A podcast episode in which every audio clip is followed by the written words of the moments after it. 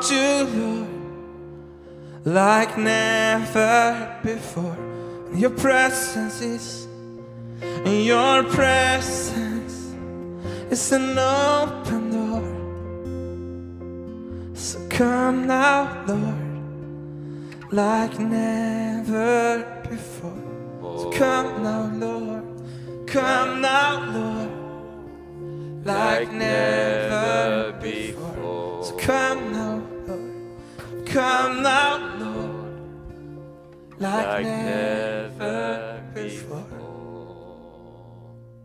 Amen. Vi takker deg for dette, Herre, at du kommer inn i varje hem, til varje person som følger denne gudstjenest, Herre. Helige Ande, rør vid var og ens hjerte. Takk at du måler opp sanningen, du måler opp Kristus.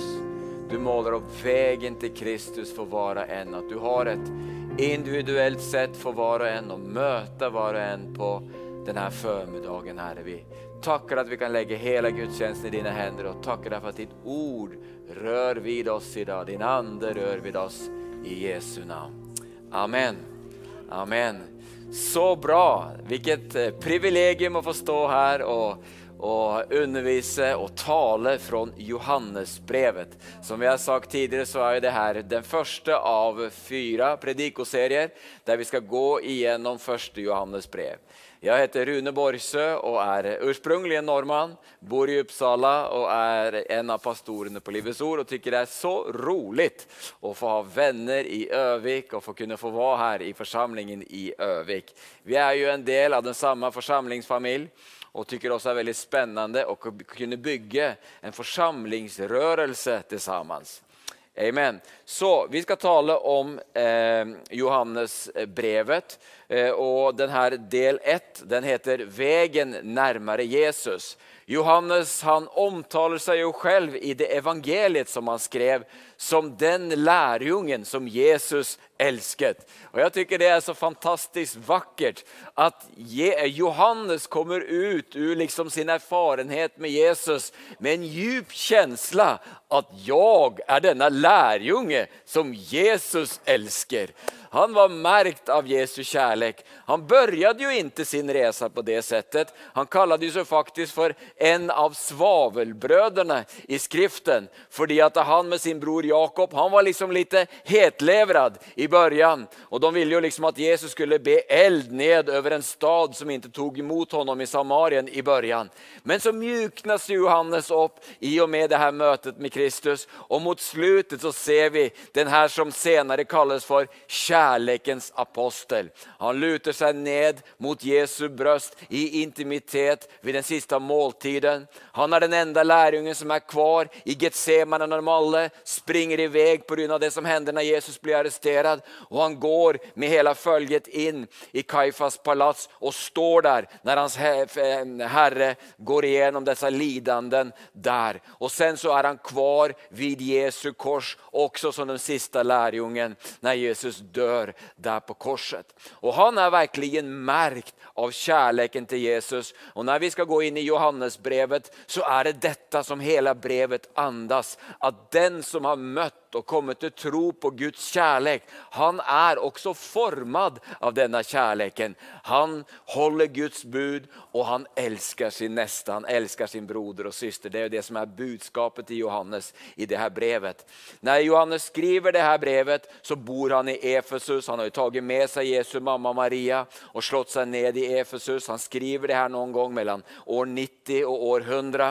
Han har vært på Patmos, eh, om det er før eller efter det her, troligen innan.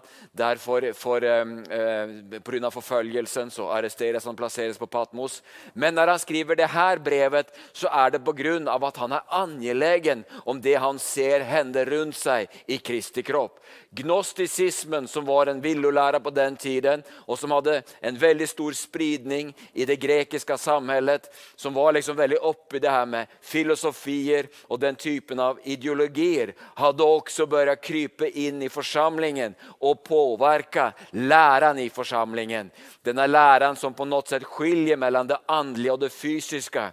Och gör Jesus, gnosticismen hadde jo en idé om at Jesus han var ikke Gud, han var en menneske. Og i andedopet så kom Kristus ned over Jesus og gjorde han overnaturlig. Og så lemnade Kristus Jesus, Jesus då innan korsfästelsen. Og Derfor så fantes det heller ingen riktig forsoning og frelsning. Og Det fantes også en idé i gnostisismen om at vi skal ikke bry oss så mye om hvordan vi lever her på jorden, for det virkelige det er det åndelige, og det kommer sen. Det fysiske er det onde, og man så liksom ikke alvorlig på at man levde ut synd osv.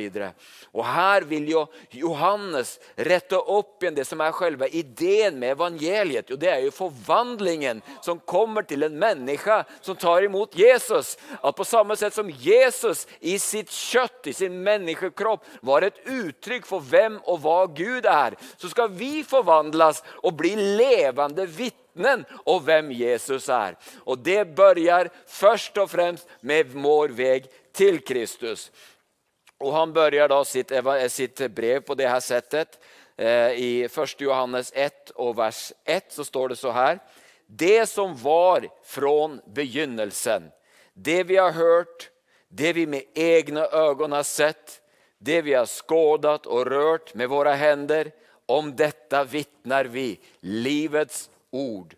Livet har uppenbarats, vi har sett det og vittnar om det og forkunnar for er det evige livet som var hos Fadern og uppenbarades for oss. Det som var i begynnelsen var jo ordet. I begynnelsen skapade Gud himmel og jord genom å tale ut dette ord. Han börjar sitt eget evangelium med å si at i begynnelsen var ordet Ordet var hos Gud, og ordet var Gud. Og dette ordet kom ned og ble kjøtt og bodde ibland oss. Gud han ga seg selv uttrykk. Han åpenbarades. Han ble synlig for oss i og med at dette ord ble menneske.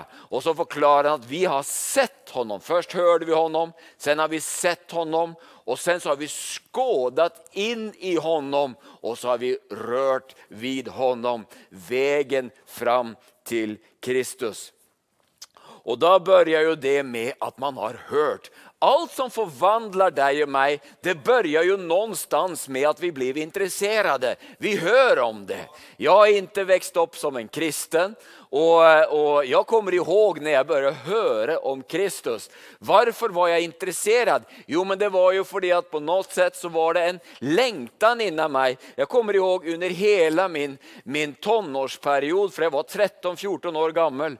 Jag levde i en inte kristen familj och hade väldigt få beröringar med kristendom under min uppväxt. Det var lite av en orolig familj så att jag längtade verkligen efter trygghet, någon form av djupare kärlek och mening med livet. Och jag sökte på så många olika vägar och kom inte riktigt i beröring med sann kristendom. Fram tills att det kom en människa på en bensinmack där jag jobbade og och, började vittna för mig om sin Jesus. Och jag tänkte, hur kan en människa tro på något så enkelt som att allt löser sig bara för man tror på den här Jesus som ska ha dött på korset? Men jag jobbade dessa nätter på en bensinmack och han kom och var väl den enda underhållning jag hade dessa timmar när jag jobbade där. Så jag var ändå tacksam för att ha någon att diskutera med. Och han kom tillbaka natt efter natt och jag tänkte vilken enkel människa som kan tro på de här enkla sanningar. Jag hade läst om nyandligt, eh, liksom eh, new age och sådana här saker och tyckte att eh, sanningen måste vara mycket mer komplicerad och avancerad än det den här människan presenterade. Men ändå så stod jag och lyssnade lyssnade dette hans vittnesbörd. Och så kommer jag ihåg mot slutet på denna vecka. Jag skulle varje morgon eh, städa golvet, tvätta golvet på bensinmacken. Och så kommer jag ihåg fredag morgon. Jag har sitter, stått och lyssnat till denna man hela veckan. Och när jag ska tvätta golvet så dansar jag runt på golvet med moppen. Och då har någonting hänt i mitt inre. Och jag undrar, vad, jag stannar mitt i dansen och tänkte, vad gör jag? Jag danser med en mopp på bensinmacken. Tänkte jeg. Og så tenkte jeg etter Jeg blir glad når jeg tenker på Jesus. tenkte jeg. Og den helgen så var jeg full som jeg brukade vara på, på helgene. Og så satt jeg på en nattklubb eh, på den, i den stan der jeg bodde og pratet med en tjej. Og jeg kommer ihåg at den här tjejen ställde seg opp i vrede. Hun var så trött på meg, sa, jag orkar inte prata med deg. Du prater jo bare om Jesus, du sa hun. Så gikk hun derifrån. Tenkte jag, Gör jeg? Prater jeg bare om Jesus? Men jeg ble så glad når jeg prata om Jesus. fordi at når jeg hadde hørt om honom så hadde det hendt noen ting i mitt inre. Och det er det som Johannes beskriver, at vår vei til Jesus, det begynner jo med at vi hører om det. Kanskje har vi sett noen annen menneske som er på djupet berørt. Jeg kommer ihåg jeg hadde en, en venn som heter, og har en venn som heter Carl Gustav Severin. Når jeg gikk bibelskola så begynte jeg å høre om hva Gud gjorde i Ryssland på det her nye feltet som Herren hadde åpnet opp. Og han berättade om mirakler og hvordan Gud använde honom. Og da hørte jeg noe annet som började lockar meg. Og så er det. Det som forvandler oss når Gud vil ha oss inn i sin vilje og sin plan, så hører vi saker som bør lokke oss inn i det. Og derifra så blir det som Johannes sier, det vi har sett. Du vet det är väldigt annorlunda att höra om någonting och sen att se det. Jag hörde när jag gick tvåan på bibelskolan, eh, så hörde jag, för det var det när jag blev frälst så gick jag senare på bibelskolan på Livets Ord och blev fast där, underbart. Och när jag skulle gå tvåan så skulle jag ha missionspraktik för där fick jag höra att om du åkte till Malaysia kom du ut i djungeln och så apor och sådana här grejer. Jag tänkte jag vill ha äventyr så jag ville dit. Och då berättade de för mig om att vår missions, eller då, ledaren for teamet, det var en norsk tjej som het Kari som hadde bodd der nede og hadde mye missionserfarenhet. Og jeg fikk høre om denne her unge tjejen. Og sen så hadde hun sin første teamsamling og da så jeg henne for første gangen og forsto det her blir en svår resa. Hun var så vacker og snart skal du få se henne i studion også. Og det var helt annorlunda å se denne Kari jamført med å få høre henne. Se henne, blå, klara ögon, vackra böljande hår. Jag kommer ihåg exakt vad hon hade på sig den dagen. Vilka svarta boots hon hade, vige, sådana här fina svarta byxor som var lite såna, och, och en stickad tröja och där färgen i tröjan stod exakt til dessa vackra ögon. Och jag var fast. Och så är det när du ser Jesus första gången också då är du fast vid det du ser. Då börjar du att sugas in i hans värld, ska jag säga. Och, och eh, eh, Jobb säger det så här i Jobb kapitel 42 och vers 5 så säger han så här, förut hade jag hört talas om dig, men nu har jag sett dig med egne øyne. Det er fantastisk! Og det er den velsignelse som Gud har givet åt oss. At vi behøver ikke bare høre om Jesus, vi kan faktisk se honom. Når vi kommer inn i tilbedjan, så har vi en helig ande der vi kan tilbede honom i sanning og i ande. Og den helige ande, han gjør så at våra inre ögon opplyses, och vi faktiskt ser vår Herre i tillbedjan. Och det går inte att gå därifrån obemärkt. Vi kan också se Herren i skriften. Han är livets ord. Och varje gång vi läser i skriften så möter vi honom personligen i skriften. Att åka till Israel är ett fantastiskt exempel på det.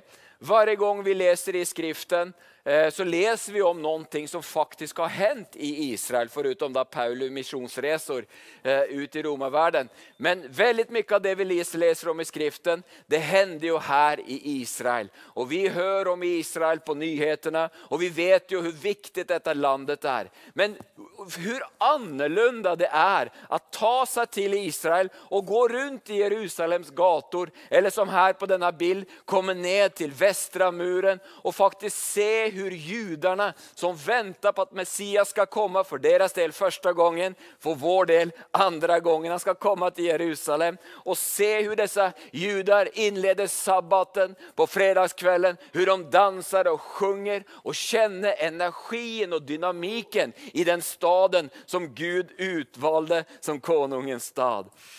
En, en av mina söner, den äldsta, i tonårsfasen så var han litt osäker på det här med kristen tro. Han var litt attraherad av det som hände i världen och hade lite svårt för att tro på det han hadde fått høre i kyrka og på den kristna skolan han gikk.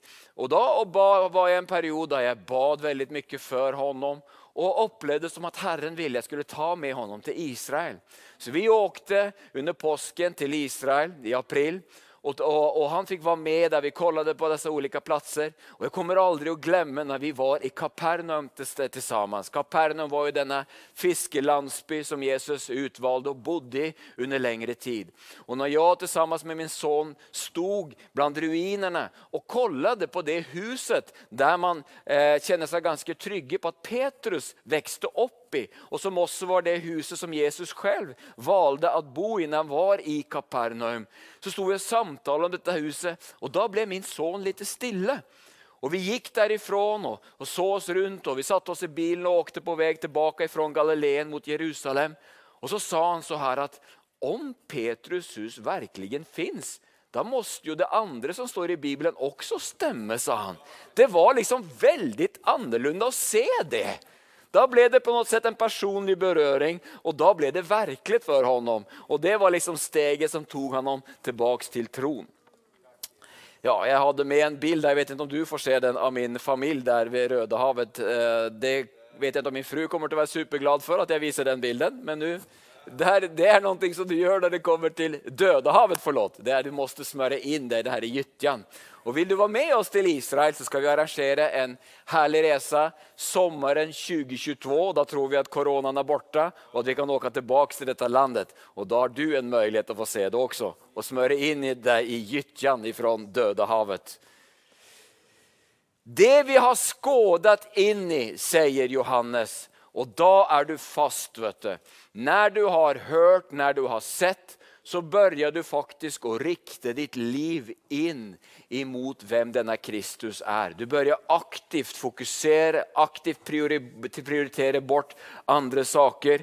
Att skåda inn i, det betyder att fästa sin blikk vid og holde den där.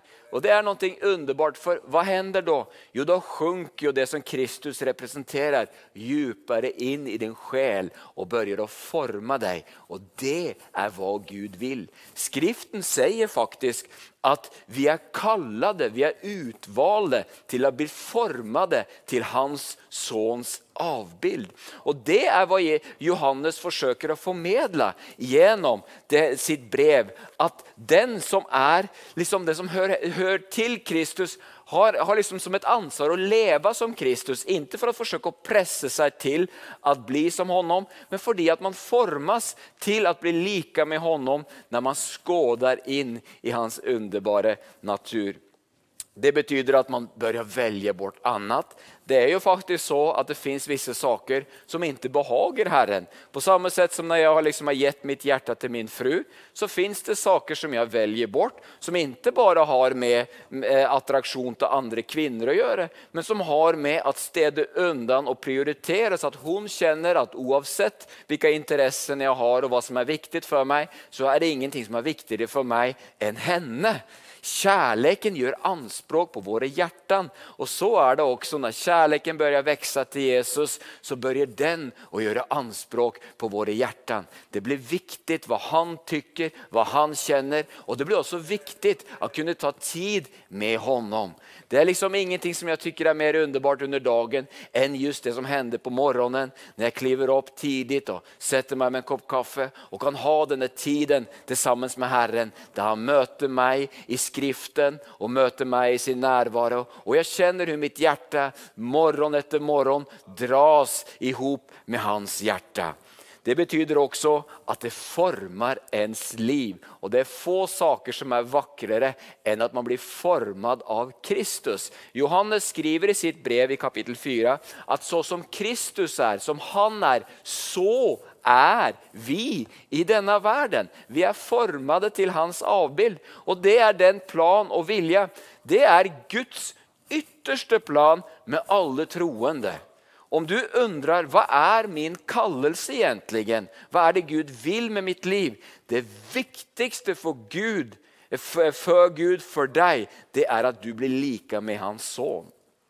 Han har en idé om deg at du skal blomme til i full mognad i Kristuslikhet.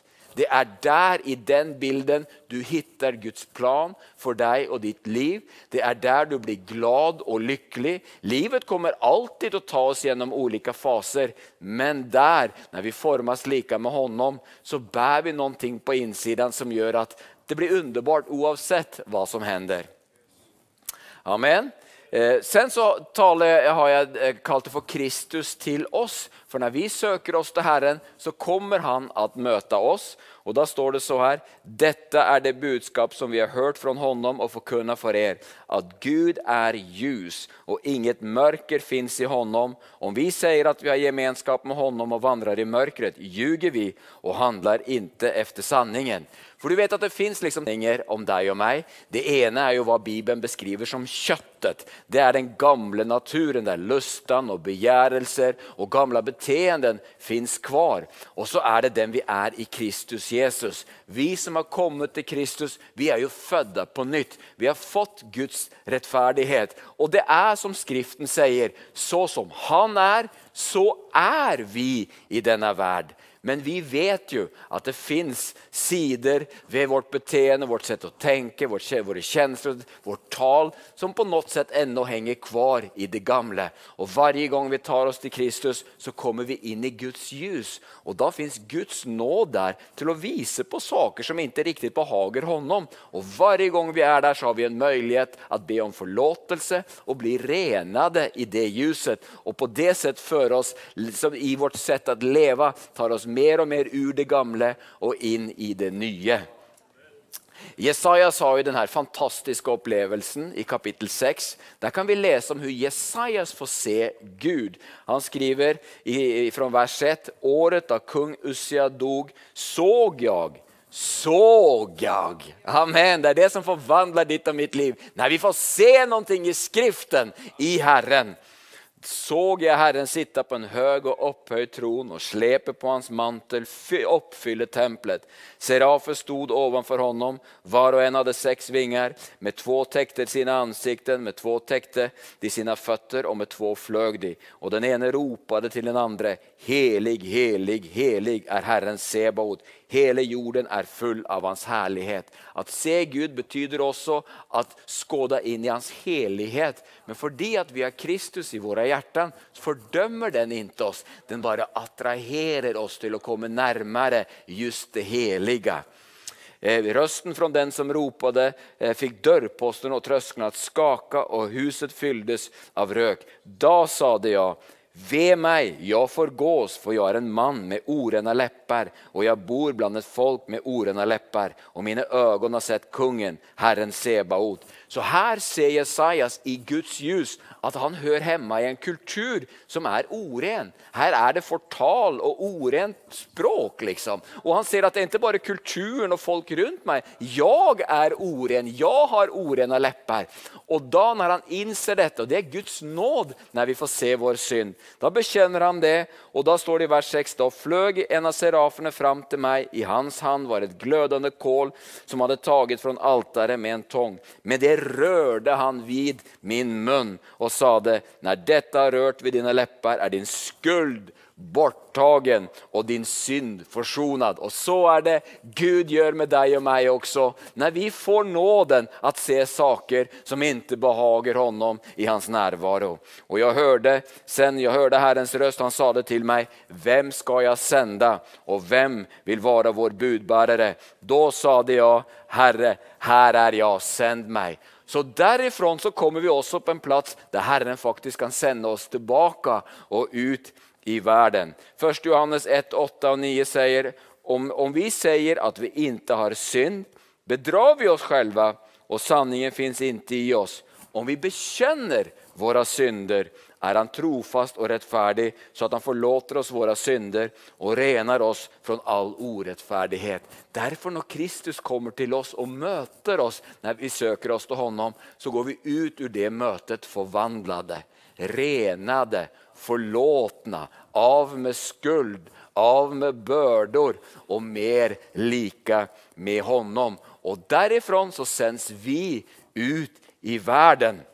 Det står i 1 Johannes 1 og 1 da, at det som var fra begynnelsen, det vi har hørt, det vi med egne øyne har sett, det vi har skådat og rørt med våre hender, om dette vitner vi. Det går ikke å holde tyst. Vet du. Da måtte vi berette.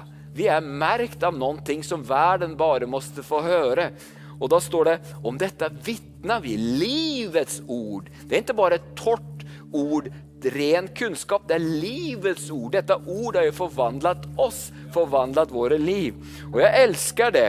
Det står at vi er vittnen. Det står jo i apostelgjerningene at når den hellige ande kommer over oss så skal vi bli vittnen. Vi skal ikke bare vitne, vi blir vittnen til hvem og hva vi er. Og når Kristus sender oss tilbake ut i verden, så er vi som levende vittnen.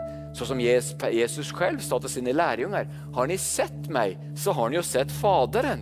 Och tänk om vi kan säga det, har du sett mig, då har du sett Jesus. Han har liksom satt någon form av avtryck i min personlighet, i mitt hjärta, i mina ögon. Det betyder inte att jag blir perfekt. Perfekt är på något sätt bara tråkigt.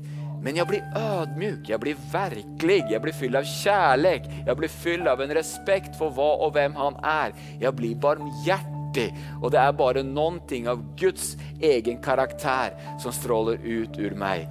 Det min venn, det er attraktivt og det er vakkert. Og derfor så dras vi til Kristus. Vår vei til Kristus, det bør om at vi hör, så ser vi, så skåder vi inn i, så blir vi forvandlet av det og så sendes vi tilbake ut i verden som levende vittnen om hva og hvem han er. Underbart! Så det var første delen av Johannesbrevet. Og vi skal bare, om du har mulighet, å stelle deg opp der du er i ditt hem eller der du følger denne gudstjenesten. Om ikke du steller deg opp, så kan du kanskje bare på noe sett i ditt hjerte stelle deg dig inför Herren. Och nå har vi hørt om honom. Kanskje har du sett noen ting i og med hva du har hørt. Kanskje har den hellige Ande rørt ved ditt hjerte. Kanskje fins det faktisk et behov av at ljuset skal drabba din sjel lite grann. Det ljuset kommer aldri å fordømme deg, skjuta deg bort ifrån hans nærvaro.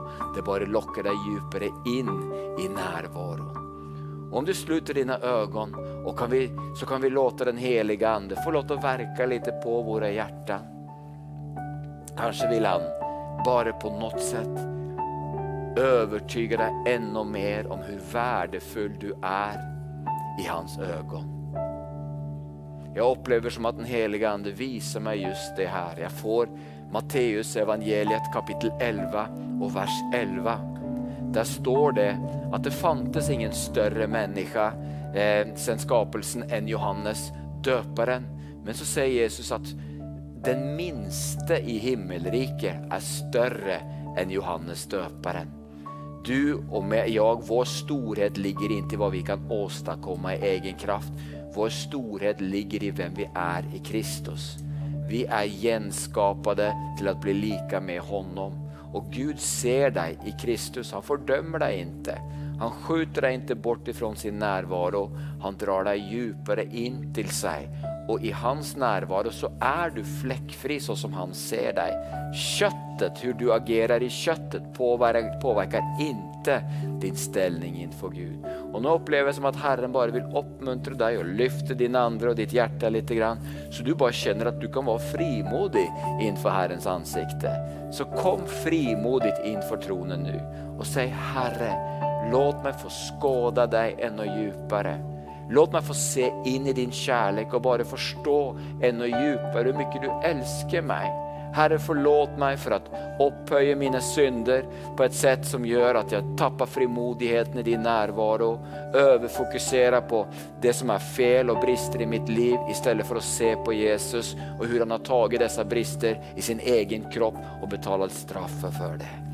Bare be den bønnen nu och återta frimodigheten i troen på Kristus.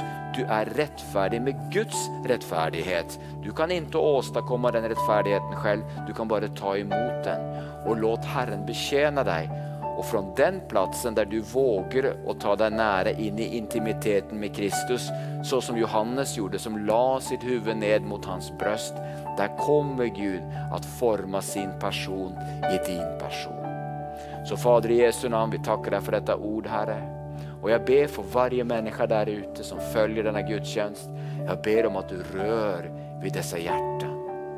Ge dem en förmåga att ta seg inn i din nærvaro, inn i intimiteten med deg, og at de skal få kjenne exakt som Johannes kände, at de er lärjungen Jesus älskar. Låt det bli en verklig upplevelse Herre. Inte bara någonting de hör om, men någonting de ser för sig själva. De skådar in i den verkligheten. De får röra vid det faktum att du älskar dem personligen och intimt Herre, utan fördömelse.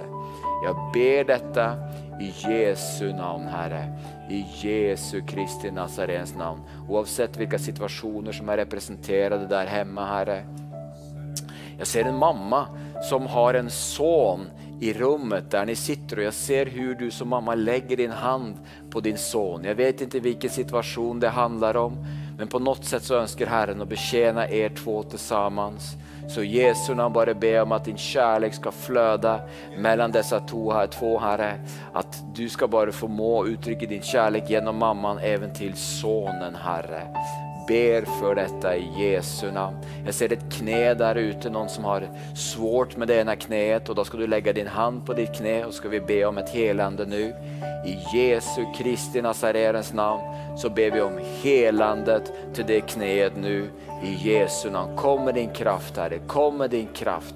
Det är någonting med blodådror och blodflödet. Så jag bara ber i Jesu namn för dessa blodådror om helande i Jesu namn. Helande i Jesu Kristi Nazareres namn. Lågt blodtryck bara i Jesu namn. Helande i Jesu namn. Jag ser någon som har problem med andningen. Du blir trött och det är svårt att andas. Så bara i Jesu namn, helande i Jesu namn.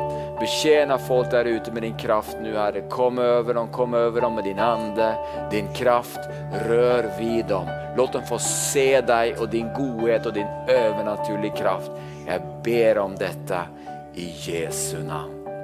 Amen. Amen.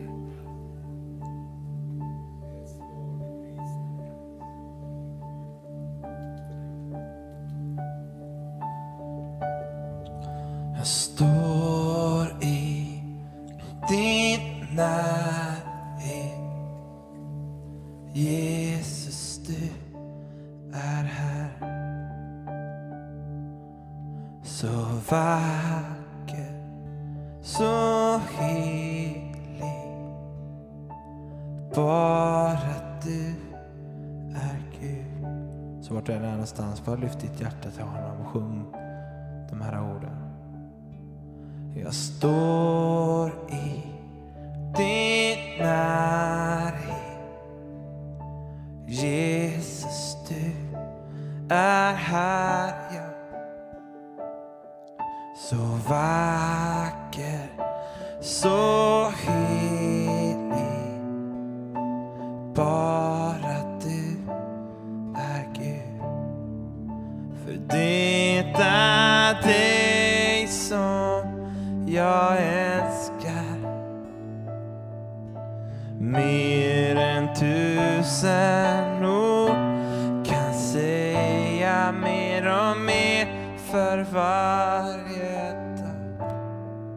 Gud bli mitt liv så sjunger tillsammans med du väntar in ditt helande eller vad du behöver från Gud. Var ut ur ditt hjärta till honom.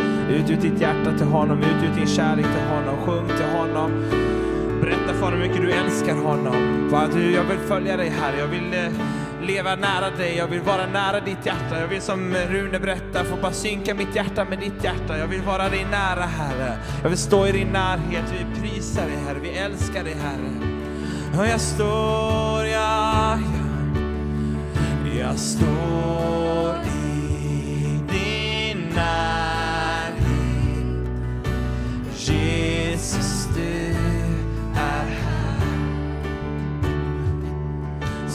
fire.